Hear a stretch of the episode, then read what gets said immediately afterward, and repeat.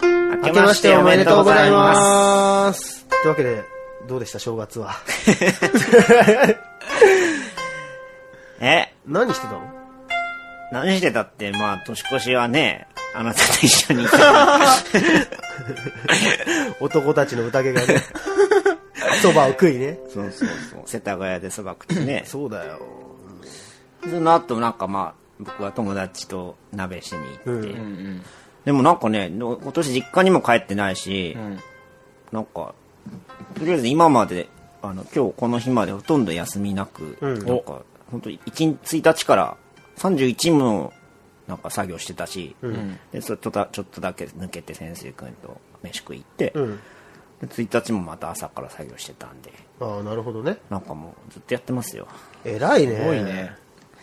売れてないうちはね、やんなきゃっていう。そっか。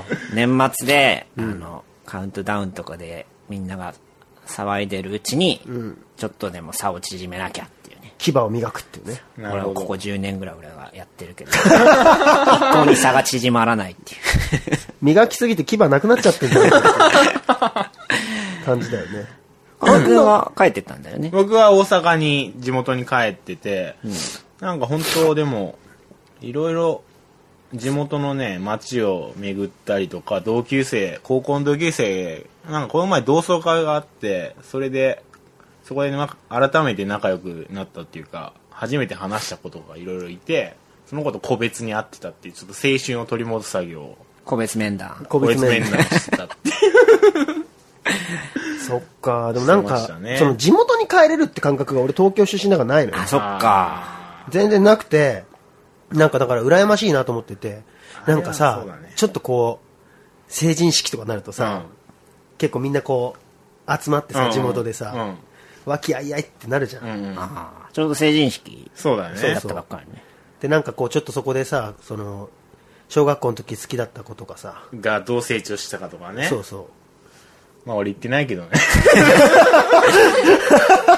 俺も成人式出てないう。いや、まあ言ったら俺も出てる。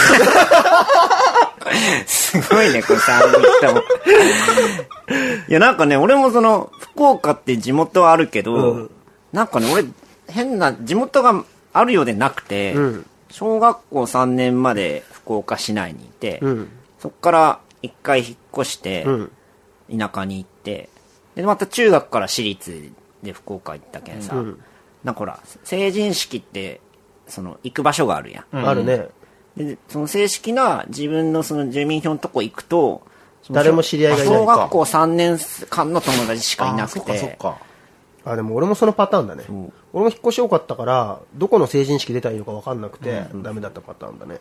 最終的にねなんかその正式なとこじゃなくて、んそのまあ、一番友達がいるとこにん行こうかなとは一応してたんやけど、うん。なんかと成人式当日にさ、うん。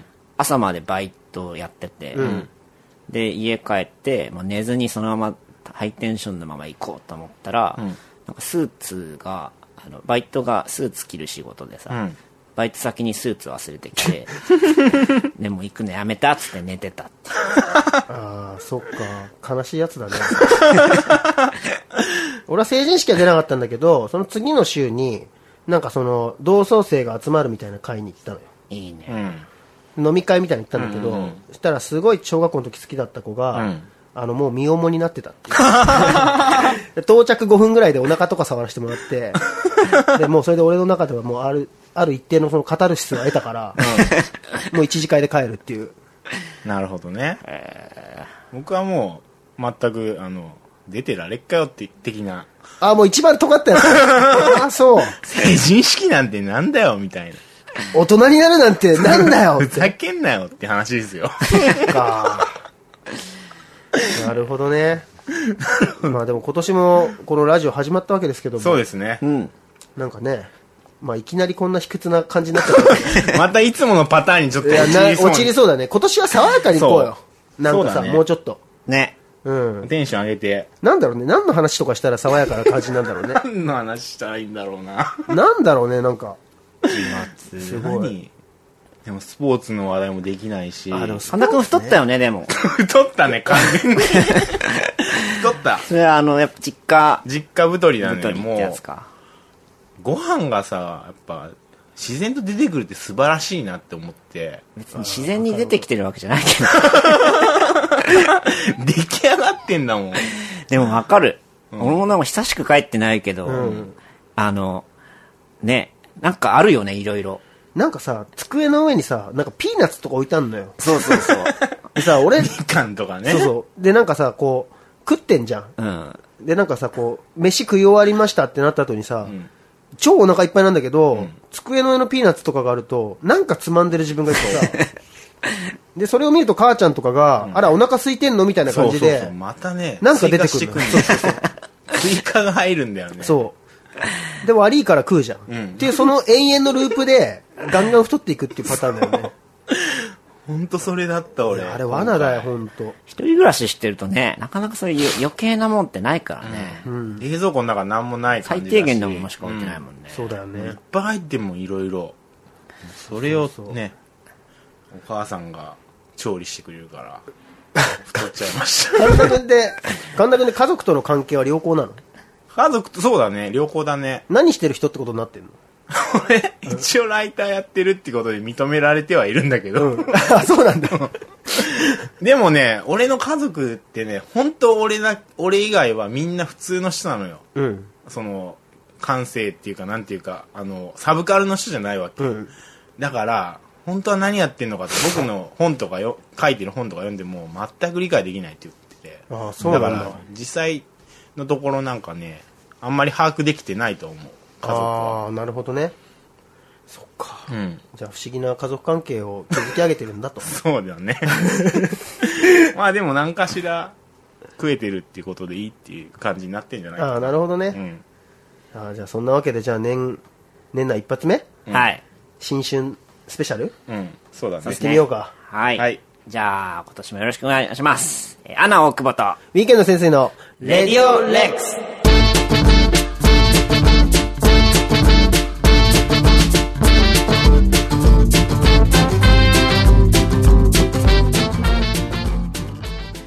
はい、じゃあ改めまして、えー、アナ大久保です。えっ、とウィークエンドかっこ仮の潜水ですえー、ライターの神田です。そうやん、そうやった。それもあるねねえまあでもそんな語ることないんだけどね最近、解散を発表したでおなじみおのなじみのウィークエンド。いやもう謎の状態ですよ今なんか結構こんなにうん大事になると思わなかったから、ね、すごいナタリーとかニュースそうなんですよ一番過去一番話題になったそうなんで すよ全く話題にならないだろうなと思ったら意外になったので、解散プロモーションですよねそうですねまあ多分3ヶ月後ぐらいに急にまたやるんじゃないかっていう、定期的に解散 を使うっていう解散マーケティング。解散でおなじみのっていうね、いやでも本当になんか揉めてとかじゃないので、ねあのー皆様ご心配なさらずにはい。このラジオはあのーうんこのまま続けていくので予定だしあのジェネレーションレックスもうんそれぞれの、あのー立場でうんうんうんまた集まれればなそうとですね思ってますんで、よろしくお願いしまおす願いします。はいでまあなんか、あのー年末にさコーナーのコーナーだったじゃん、うんあれでさみんな本なんていうの好きな本とかさ、本紹介してほしいっていうのが、話があったから、ちょっとなんかせっかく年始だから話してみようかっていそうだね正月とか結構読んだんじゃないですか、うん暇だった読みましたね、いろいろ。神田君何が面白かった僕はねでも本当去年のマイベストワンは中国化する日本っていう、ああなんかちょっと話してたね、うへん、あれだねやっぱどう考えてもあれが一番面白かったねーそれはうんエッセイいやエッセイじゃないでしょはなくてそのタイトルでエッセイないでしょ。 そ のえっとねいや普通の評論ああで評論ルポみたいな感じいやルポはないね評も評う論歴史学の本だねああ、なるほどね。で一応簡単に説明するとその西洋化っていう概念で今まで全部説明してきたの歴史学って、近代化西洋化っていうでもその概念で、中国のあの成長ぶりが説明できないと中国は成長、あの西洋化してないじゃんあーその近代化もしてない近代化はまあしたかもしれないけど、そのいわゆる民主主義とかないわけ、けどあんな成長してるっていうのが、そのそこをぶっ飛んで中国がそんな大きい国になってるっていうのは説明できないっていうところで、中国化っていう概念を持ってきたのだからその日本が中国化っていうのでなんかそのいわゆるその想像するような感じの、うんうんうん。なんかそういう民主主義なくなってるどこっていうようなんじゃなくて本当歴史学の本いああ、なるほど新。ね書や本当単行結構本分厚いやつね。へもうそれがねめちゃくちゃ面白いやっぱもう視点がやっぱ全部切り替わるね中国化にあー今までの歴史がーそれ全部でやると説明がつくつみたいな。くんのよ平安時代ぐらいから全部日本の歴史を中国化って概念で切ってて、うん。でその要は中国化と日本日本日本は中国化にずずっと近づいてるっていうか、んうん中国の歴史に 歴史というかその中国っていう業態に近づいてて世界も全部中国っていう業態なわけ要は、うんうんっていう説明で全部説明していくっていうねすごいね。新年早々、インテリジェンスの 感じが溢れる溢れてきたね。感じでやらせていただいて、まあちょっと本当読みやすい本なんで読んでもらえたらすご結い構タイトルの割には中容は読みやすい。読みやすいあ本当読みやすいうんじゃあ皆さんぜひ。大久保君は僕、あの、年末に買って、今まさに読んでるんですけど、あの、水道橋博士のお芸人春秋。あ評判いいよねあ、いいねすっ。ごい面白いですね。あ、そうなんだ。あのー、何、何年前だろうな。三、何し三、四年前に、あの、立川談春さんが出した、うんあの、赤目高赤目高っていうのがあって、それはもうその年の僕一番だったんですけど、談春さんが、その、男子のとこに着いた時とか、その修行時代とかね、その立川一門の裏話をこうルポしてるんやけど、それのその、なんやろ、芸能界とか、もっとこう、ビートたけし回りの話って感じなんやけど、ああ、なるほどね。まあ、あのね、は博士のこう、なんやろ、一人一人に対する、いろんな人の、その、裏話とかが載っとっちゃうけど、なんかね、もう愛情に溢れとってね、涙が出そうだと。涙も出るしとこもあるし、単純にもうね、話としてすっごい面白い、秀逸なのもあるしね。また人選もね、ホリエモンとあか、あー、そのまま東とか、あとなんだろう、三股又蔵とか、すっげえいいよ。へえ、ちょっと読んでみたい。読みたいあの読みやすい本当にうーん僕はね、あの、エンデの遺言っていう本が結構、ああはいはいあエンデの遺言、なんかミハイル・エンデの、んなんかその、あの人お金のこととか、経済のこととかを、すごいあの、モモっていうのとかも、あうんそれを元に書いてるんだけどなんかそういう話っていうらしいね。だけどなんかそれを、あの、NHK かなんかが特集して、お金とは何ぞみたいな。うんなんかお金っていうのは実は本当はあの時間が一定期間が過ぎると価値がないものだみたいなことがあったりとか、うんうんうんまあなんかパッとは話せないんですけど、うんすごいこれからの先あのさ年末スペシャルでさ、うんお金どうなるみたいな話もあったじうゃん、んうんうんうんなんかああいう感じのにきちんと答えてくれるような本かなと思うから、へーぜひ皆さん読んでいただきたいなと思ってなるまほどすなるほどなんかいいねいいねいいねなんかちょっと二人インテリジェンス俺だけな これ俺たちなんかすげえ頭いい感じだったん頭だいい感じになってるよちょっとすごいな何ちょっと硬いテーマもいけんじゃないのうん中国化についいて語ろてそうだよいけるいけるうみたいなね、うんそんなわけでじゃあ今年一発目はいじゃあ今年もね盛り上げていきましょう、はいなんかかけるじゃあまあ年末に出した「ジェネレーションレックスの曲をまた改めてそうだやってねもらいましょうかね、じゃあ「ジェネレーションレックスで「ナイト・オン・ザ・プラネット」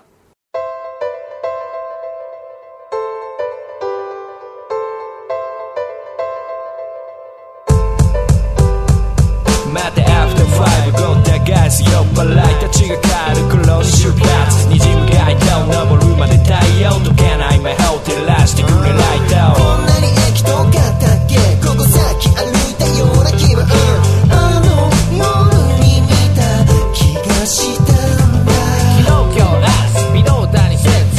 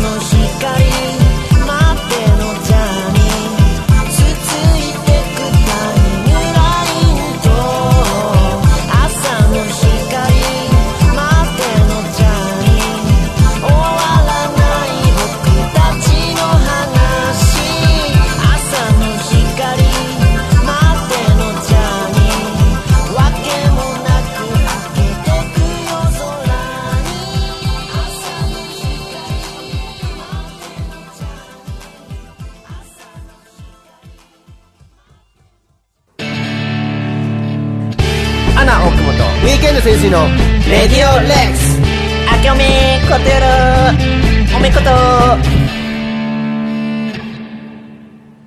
はい MC モニカの自由形え新年一ー発新目年一で発目来ましたね。年末がね締まりがちょっと悪かったそうなんでですすそうだねせっかく自分がゲストの回だっつうのにしくるっていうもうゴミみたいなやつになってったんですけ結ど構あの周りからも不評でしたから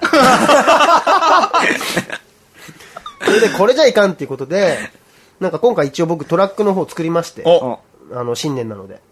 なのでそれで、あのーちょっとやってくれとなるほど、なるほど言。ったところ、またわけわかんないの来たので。 じゃあ8回目かな。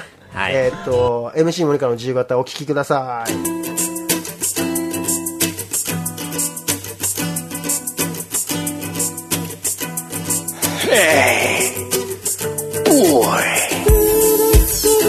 この秘密を知ってしまった以上お前の命はもうないさあ覚悟しな笑わせるな俺は身が潔白だいつだってかかってこいお前をぶっ倒してやるなんだと何うわっやめだどこ蹴ってやがるセンスがねえんだよ戦いのそうだなんてやつだ圧倒的な力を使ってやがるどうすれば勝てるんだどうだ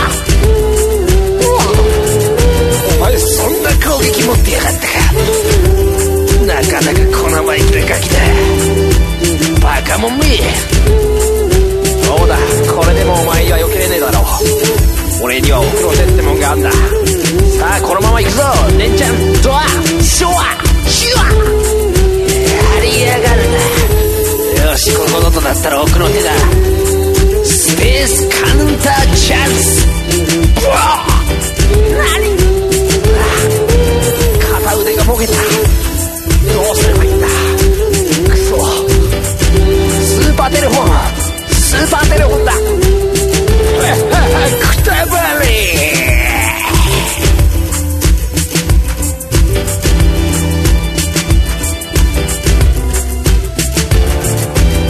あれは一体何なんだ謎の男が戦い合ってる変な武器とかいっぱい持ってる警察は止めに来ないのか一体血が流れてるかと思いきやあれはケチャップだあれをつけてそういう体でやり合ってるのか面白いのかおばちゃんとか子供は完全に通り過ぎてるまあ別にいいっちゃいいがちょっと異様であるこういうことがあるのが真っ昼間の公園なのかまあ別に砂場とかに荒らしてるわけじゃないからいいか猫が急に威嚇したでも2人ともちょっとびっくりしたまあいいやこういうことがあるのが公園か昼間の公園ちょっとも白いな昼間の公園ちょっとも白いな昼間の公園ちょっとも白いな昼間の公園公園兄弟昼間の公園ちょっとも白いな昼間の公園ちょっとも白いな昼間の公園ちょっとも白いな昼間の公園公園兄弟ファーゴファーファーゴファーファーファーファーファーファーゴ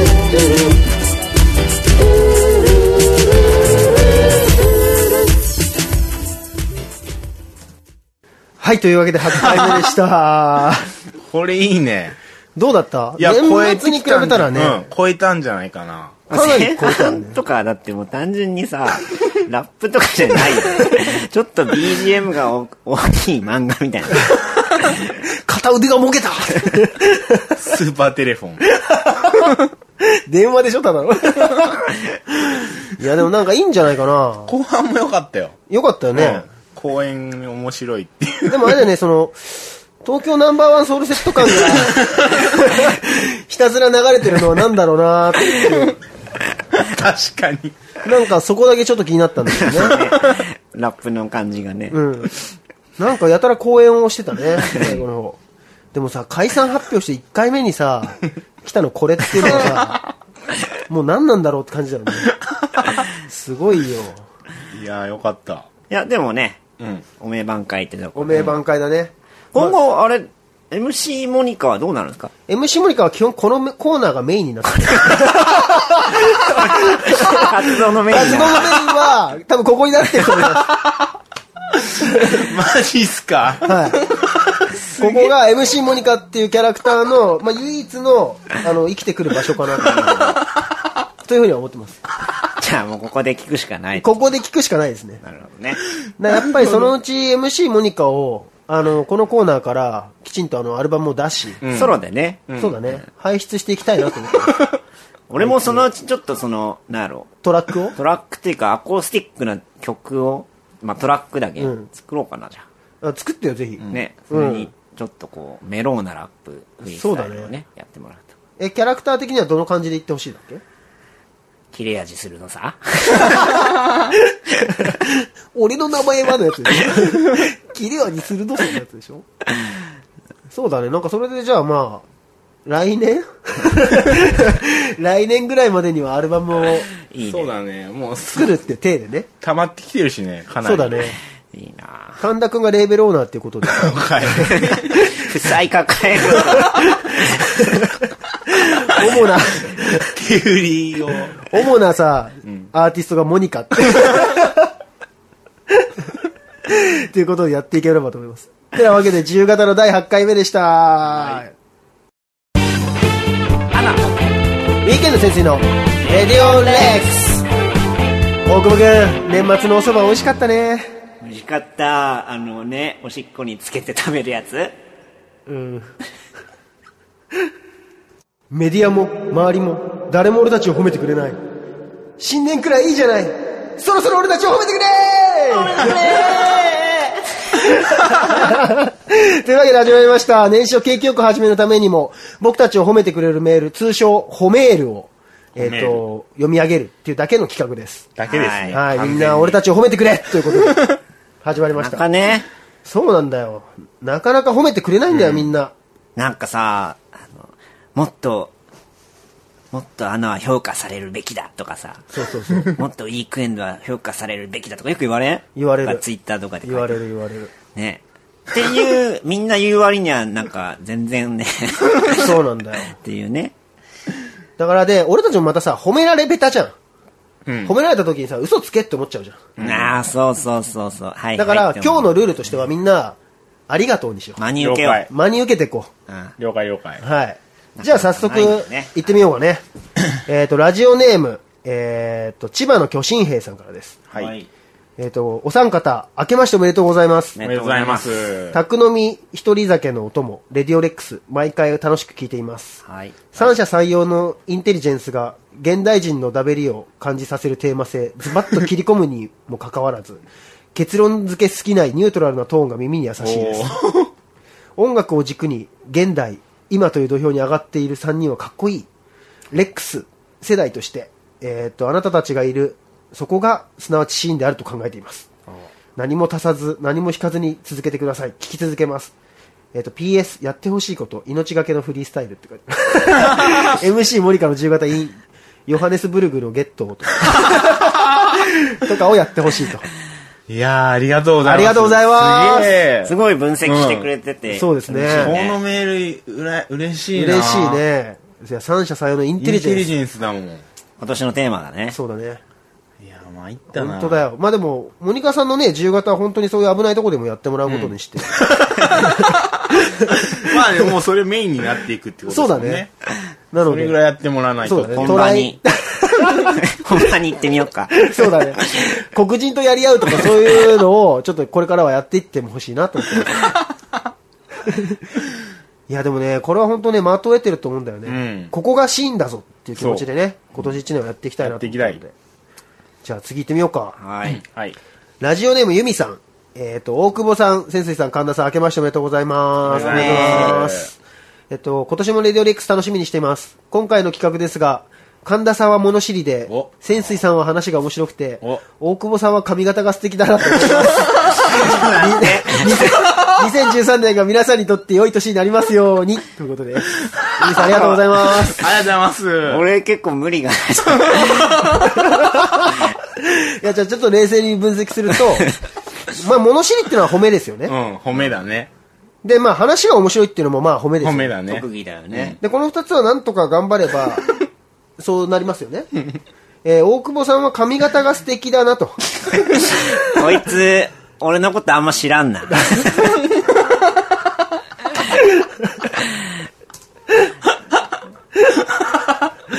やっつけ感がちょっ と。で割とこういう方に、あれですよね、アナ好きでしたっていう、 余計に言われてしまうパターンが多いんじゃないかと思ってるんですけどね。まあまあ、髪型、この中で一番かっこいいかな。 そうだね。まあ、美容師さんが褒められた感じ かな。はい。というわけで、ゆびさんありがとうございまあす。りがとうございますえっ、と、じゃあ次は、ラジオネーム、マキオンさん。マキオンさんも前回も送ってくれた人ですね。そうですえっ、と、潜水さん、大久保さん、神田さん、こんにちは。ニューヨークから褒めール送らせていただきます。おニューヨーク。ニューヨークはい。ニューヨークから、ワールドワイドになってきましたね。来ましたよ。褒めること、難しいですね。かっこ笑い。この企画を思いついていることでしょうか。リスナーに褒めてもらって気持ちよくなるなんて都合が良すぎます。あと1回目の放送から聞いてますが、続いているところでしょうか。あと MC モニカのかコーナーが神。あと毎回トーク中のお三方をはじめゲストが楽しそう。あと Facebook の写真が良すぎ。こう書いていると褒めるところたくさんありましたね。これからも気持ちよくなれる企画、たくさん続けてください。グッドラックということでしたね。おーありがとうございまあ。すりがとうございます。なあ褒められてるのかどうか どはうかっていうところですよね、これは。ちょっと微妙なところですね。いや、でもやっぱ りまあ、でも続けることができてるのはね、うんあのいいことと思いますよそうだねなかなかあのよく続いてるねっそてうみんなに言われるし。そうですね。あの、こういうのはやっぱり続けていかないといけないものなんで。やっぱ解散とかよくないよ。 はい。いや、もう今日はちょっと挟み込んでいくよ、こういうのは。ネタに自らね。自らネタにしていかないと。こんばんは、台湾スペシャルで、えー台湾スペシャル編で登場させていただきましたのしなみです。あ、しなみちゃん。しなみちゃん、あの、僕らが台湾に行った時の、えっ、と、通訳とかをやってくれたりとかしてた、うんしなみちゃんと女の子なんですけどニも、ューヨークから台湾まで、そうだよ台湾まで、その、超ワイルドワイルドだよ。端から端まで。北半球を中心にお送りしてますね。そうですね。 次は南だっていうね。お世話になってますので、テーマについてちょっと書きました。えー神田さん、よく柔和の雰囲気の出てるの人です。柔和 って、一番わかるね。人の話をちゃんときて聞いてくれてすごく優しい。お、いつも付き合ってくれてありがとうね。お、いいね。えっ、と、大久保さん、声がいい。アナの歌詞が好き。もお兄ちゃんだから何でもいい。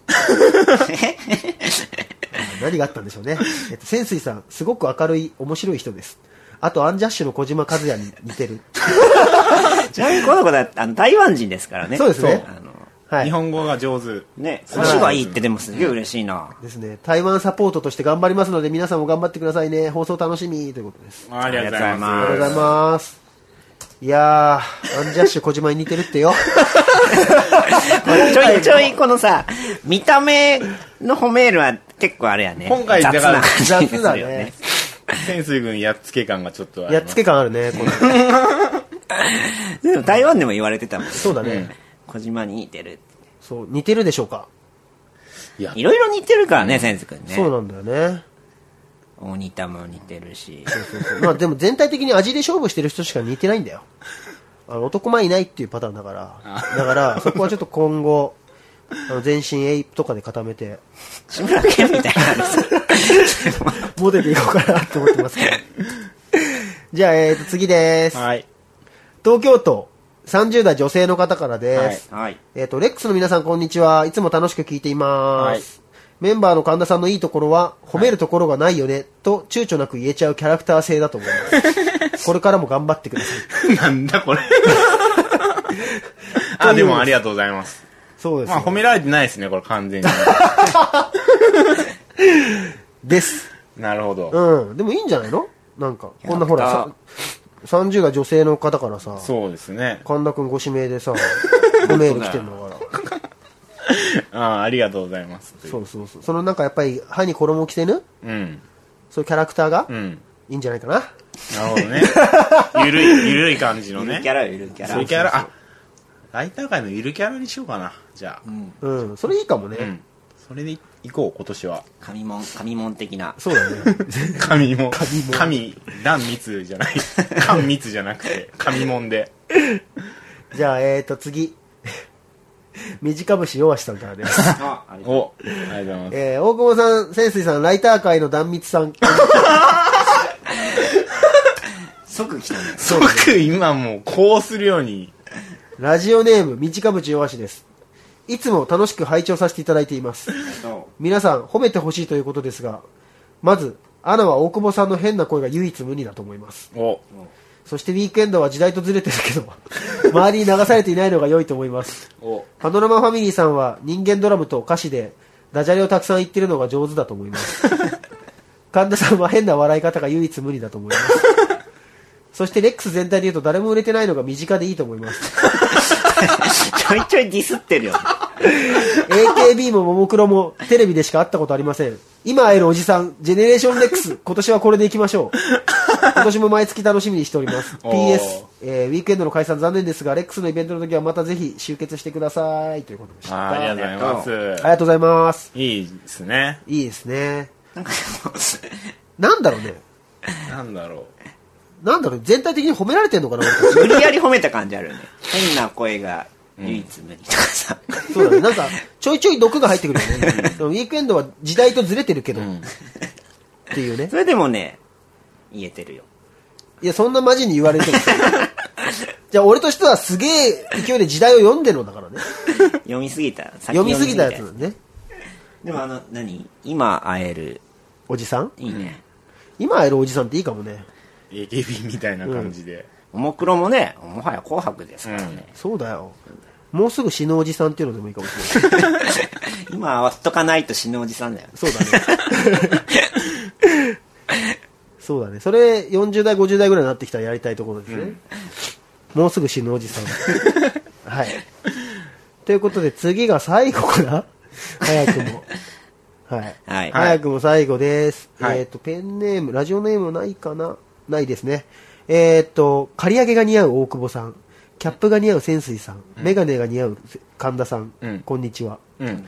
こんにちは。こんにちは。ただのファンである私がお三方を褒めるなんて恐れ多いのですが、いつも皆さんに刺激を受け、毎日を生きています。ありがとうございありまがとす。うございあます。まり長々と書くのもあれなので、最近偶然ネットで話せた神田さんに宛てに送ります。お、えっ、と、Facebook にて友達申請をさせていただいたところ、神田さんより以前どこかでお会いしましたっけとメッセージをいただきまして、少しお話しすることができました。うんただのファンである僕はすごく嬉しく元気が出ました。ありがとうございます。うんツイッターでもどうでもいいようなコメントにも、いつもへ必ず返事をく れる一木さは本当に素敵だと思いました。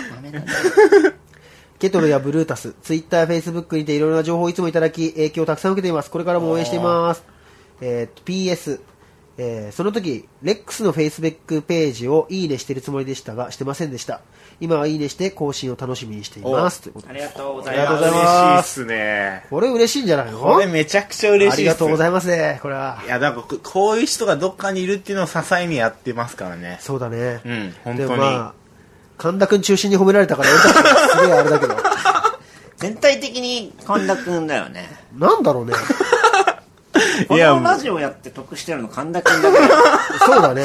僕はこのラジオすごいもうね、そうだね得してますね。そうだねありがたい話で。なんだこの企画は。 なんだ新年早々この企画いやもうもうは。ありがたいわ。これで終わりいや、そん な、いあれだけ募集 して、やまあこれで終わりだよね。 だねちなみにね、あのー、もつこさん。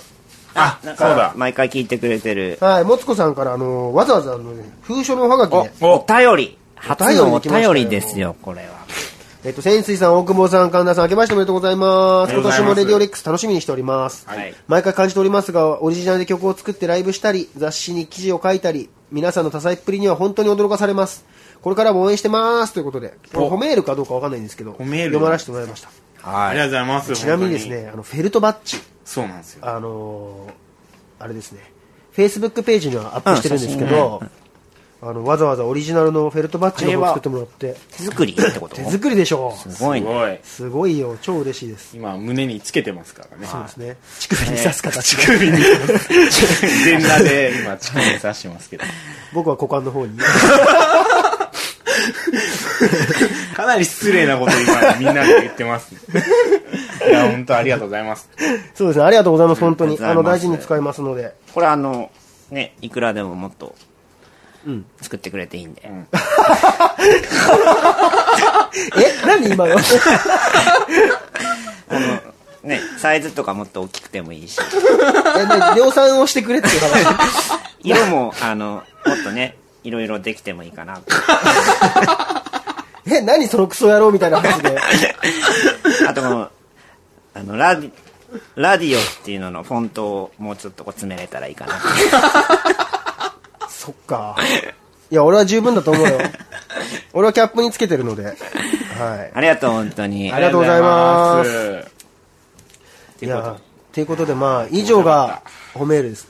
神田君なんか 晴れやかな顔して参るっね。たね、も新年からう。。もう、感無量で。もこれでね、今年はじゃあ、その、インテリジェンスを、そうだね。やっぱこう、やっぱ神田さんの知識をね、みそうんだなねこう、求めてるみたいなね。なるそほうだど。ね。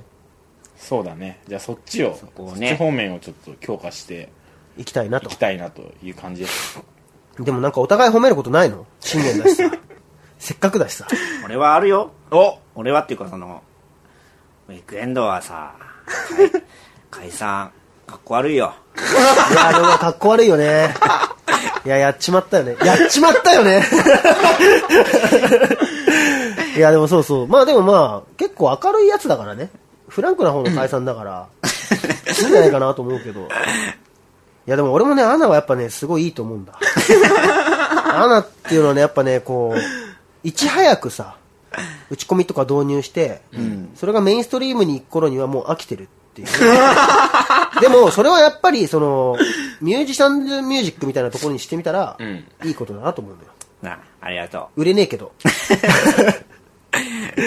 僕はですね、もう、はっきり言っちゃって、んもう、アナもウィークエンドもファンなんですよ、ただの。うん。だから、こうやって一緒に喋れてること自体がすげえ光栄です。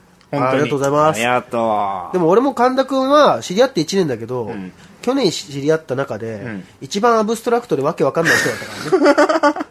俺も、あの、本当にね、神田君みたいな人いないからね、周り。いない よ。なんかこうやっぱね、ウィークエンドの先生に紹介したのも、んあの、やっぱりこういうウィークエンドとかおもろいけんさ、んうん。なかなかこう、自信を持って紹介できる友達っておらんですよ。うんうん。でもこう最初に会った時から、あ、一人いるなと思って。 クレイジーなやつ一人いるなと思って。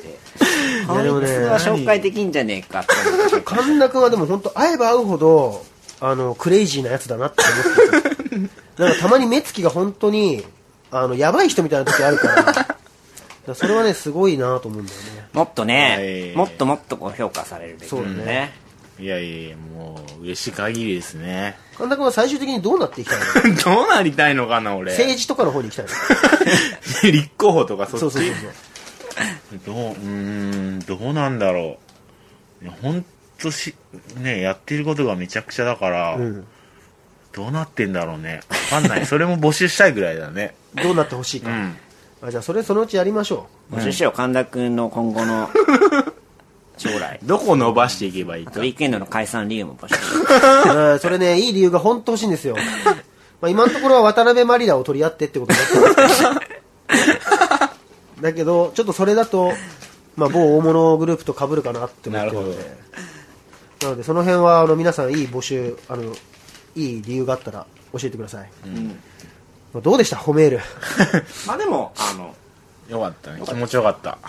頑張る。なんだその神田君の風呂入った か 本当にうわなんかすげえ嫌だわ。いそやいのや感じ。。でも、いや、僕はもうさっきも言ったけど、本当に CD 聞いてた人だから、ただ単に。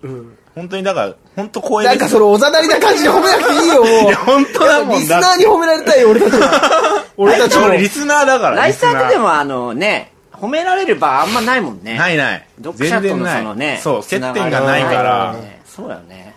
じだゃかあらまあ、そのね、お世辞でもライブ終わったらさ、よかったですとか言ってもらえるし。そうだね。それまもあお世辞やけどね一切そう見えな いから。お世辞昔好きでしたとかよう言われる 言。われるね。実際言われてるところに俺遭遇したからね。あ、あの昔好きでしたって言われてるのに遭遇してる からね。今もやってるんやけど。どっちゃけど。いやーでも新年いいんじゃないですかうん。また来年も褒めールを募集したいところですね定。期的に、そうだねあの病んできたらやりましょう病んできたらやろう。病んできたらみんな人命救助だと思ってメールを打ってくれ。そうですね。そう。なのでじゃあ、そんなわけで、はいそろそろ俺たちを褒めてくれでした。 はい。はーい。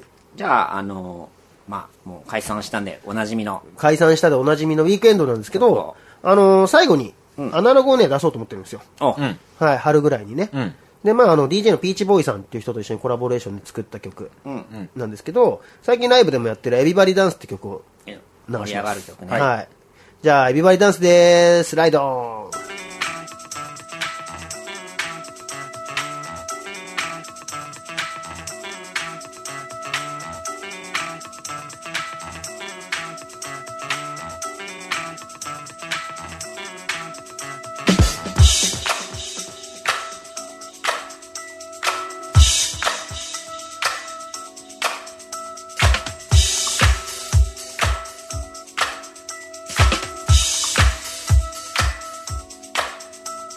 やたらあばまくろなビーずっとまっすぐ走ってるボーイ Everybody 止まらない Tonight Tonight Tonight やいやいやたらあばまくろなビーずっとまっすぐ走ってるボーイ Everybody 止まらない Tonight Tonight Tonight やいやポンと抜ける太陽の時そう真正面で受け止める感動永遠続く灼熱のハイウェイビュンビュン通り過ぎてゆく背景戸惑い決して滑り込むビート経験一つ積み上がるヒートアップダウン続いてくむき出しのソウルハンドル片手吐き出す最高技術システクノロジーミクロとマクロつなぐミュージック現未来宇宙に原子遺伝子組み換えではない電子レンジでチンできないニュータイプのクラシック体覚えてノスタルジックあの転校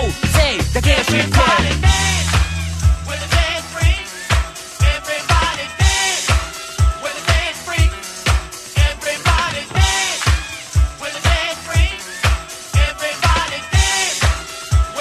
Freak.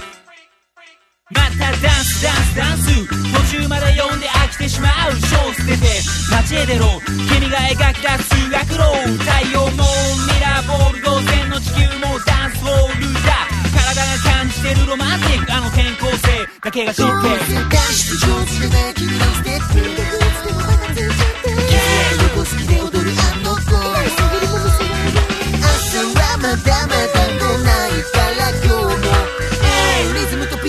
君をずっと掴んで離さないやたらあばまくろなフィーずっとまっすぐ走ってるボーイ Everybody 止まらない Tonight Tonight Tonight やいややたらあばまくろなフィーずっとまっすぐ走ってるボーイ Everybody 止まらない Tonight Tonight Tonight やいや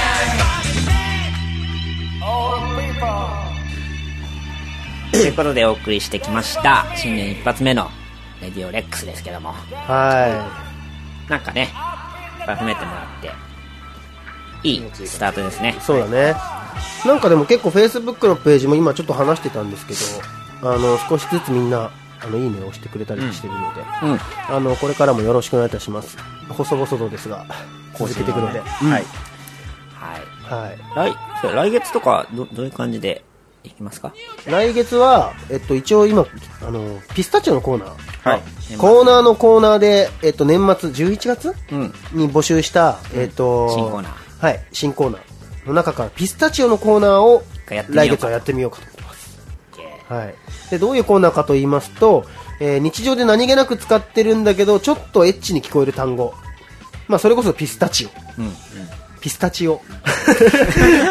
まあだったりとか言い方はそれぞれやけどああと、バウムクーヘンとか、あと、畳みた いな、いやもう発音ものでもいいです。まああの本当はあのねこっちが理解俺らで理解できんでも、うんなんか私はそう思えエロく聞こえますっていうっていうやつでもいいよね。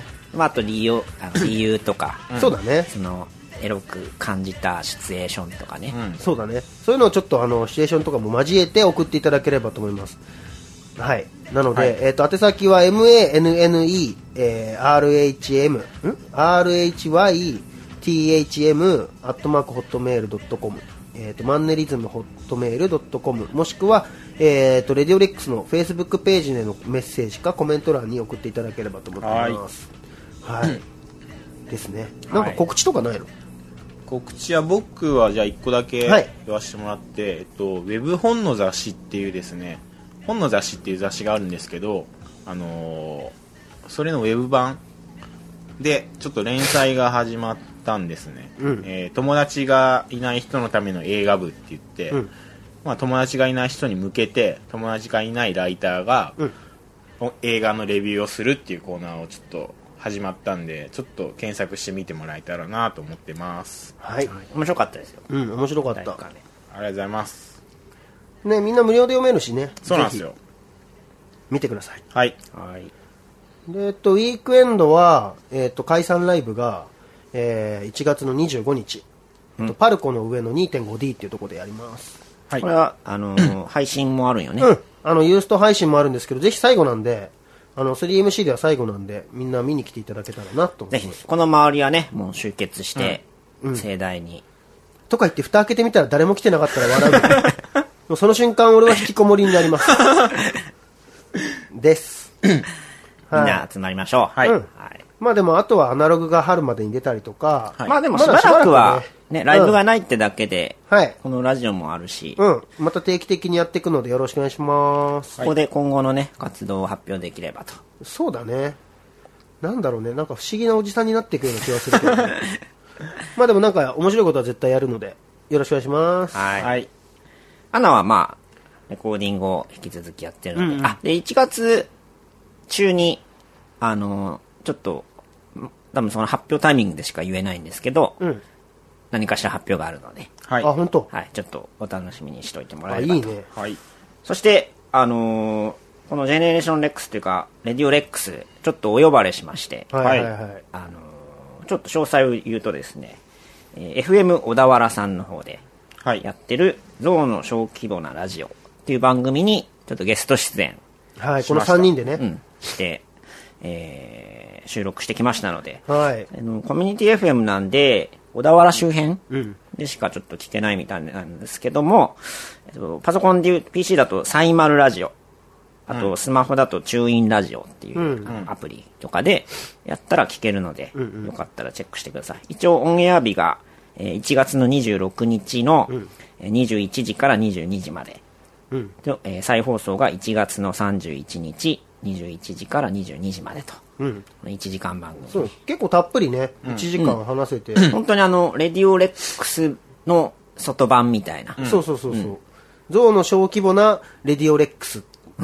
ね、感じでね。だったんで。で、あのね、レア音源もそうだね。かけてまかすけ。てるんで。はい。あのー実はノベルティで、あの、入ってるかもしれないし、入ってないかもしれないような音源をかけてみたりとか、かけてみなかったりとか、ですねする感じですね。うん。一応初公共電波に。はい。そうですね。レ乗ッりクまスし進た出ということで。で、あの、ポッドキャストではないので、あの、リアルタイムでしか聞けないんですけど、うん。皆そうですね様、なんで、よろしくお聞きくださいませ。チェックしておいてくださはいい。はい。ということで、うん。です新ね。年一発目、新年一発目ね。なんか警戒に行けたんでね。今年は、今年はなんだろうね。なんか抱負とか語った 方がいいのまあ、いっか。解散してちょすぐだからね。 でもあの、ジェネレーションレックス、イベントは続きますね。なんかねうん。またやると思います年。内にまた、年内にもう1月やけど、あの、全然そこは続けていくんで、はい。はい。あの、なんかそんなに本当に悲しいやつじゃないんで、うん。あの、それぞれがそれぞれの場所に行く感じですね。行くって感じなんで、みんな でね。です。なのでなんか、はい。ありがとうございました。はい。はい皆さん25日はぜひお集まりください。はい。レディオレックスもよろしくね。はい。じゃあ、またはい。来月お会いしましょう。お疲れっす。